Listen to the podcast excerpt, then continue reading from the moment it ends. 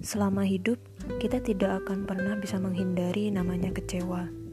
Setiap kali kita bergerak, melakukan suatu aktivitas, tidak ayal namanya rasa kecewa akan datang. Entah itu di tengah perjalanan, entah setelah kita melakukan suatu kegiatan.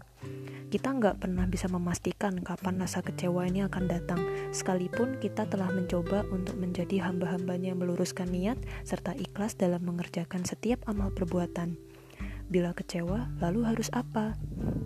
Satu hal yang pasti, bahwa menggantungkan harap kepada Allah melibatkannya dalam setiap kesempatan, juga mengingat-ingat bahwa segala yang kita lakukan dasarnya adalah untuk Allah, insya Allah kecewa itu akan pergi dengan sendirinya.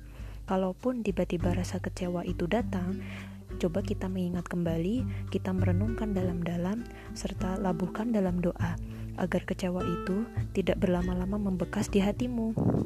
Selamat beraktivitas.